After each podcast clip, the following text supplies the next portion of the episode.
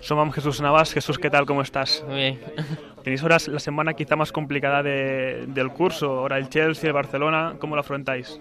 Bueno, una semana muy importante para nosotros, sabemos eh, lo que nos jugamos, eh, tenemos un partido contra Chelsea eh, primero, eh, muy importante para, para seguir en la Copa y, y luego este partido de Champions eh, tenemos mucha esperanza puesta. Igual lo de ayer fue un, un poco bien para el equipo, para descansar, la suspensión contra el Sunderland no, no acaba de ir mal del todo.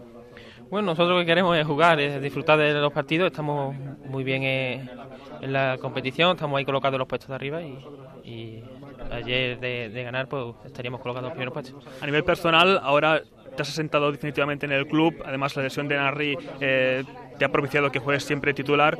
Como, igual estás en el mejor momento desde que viniste a Manchester. Bueno, yo estoy muy contento del primer minuto que llegué. La verdad que estoy trabajando bien, haciendo bien las cosas y, bueno, yo creo que como es una, una liga que me apasionaba jugar porque la velocidad que se juega, el ritmo que, que se juega, de verdad que se disfruta mucho aquí. Eh, ¿Cómo lo hacéis ahora para enfrentarse al, al Chelsea y al Barcelona en muy pocos días? Además, dos equipos muy distintos que juegan cosas totalmente distintas. Bueno, estamos donde queríamos, creo un equipo que, que quiere pelear por todo y tenemos que pensar primero en este primer partido que nos viene y luego ya eh, el Barcelona, que sabemos que son muy importantes los dos. ¿Cómo veis al Barça este año?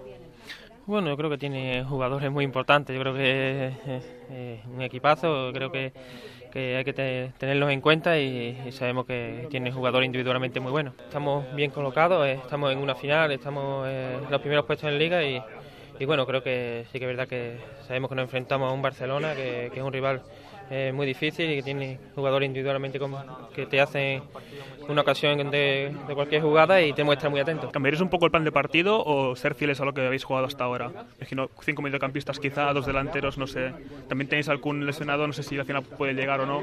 Bueno, no sé, yo creo que nosotros estamos haciendo bien las cosas y creo que, que es importante seguir en esa línea y, y veremos qué, qué piensa el míster. ¿Cómo está Álvaro, que te tenía dolor en la espalda últimos partidos? ¿Crees que esté hasta el 100%? Bueno, creo que sí, que eh, sí que se ha recuperado hace poco, pero ya lleva dos o tres encuentros y creo que estará bien. Porque hace un mes teníais a todos los titulares en plena forma, ahora os tenéis casi todos tocados.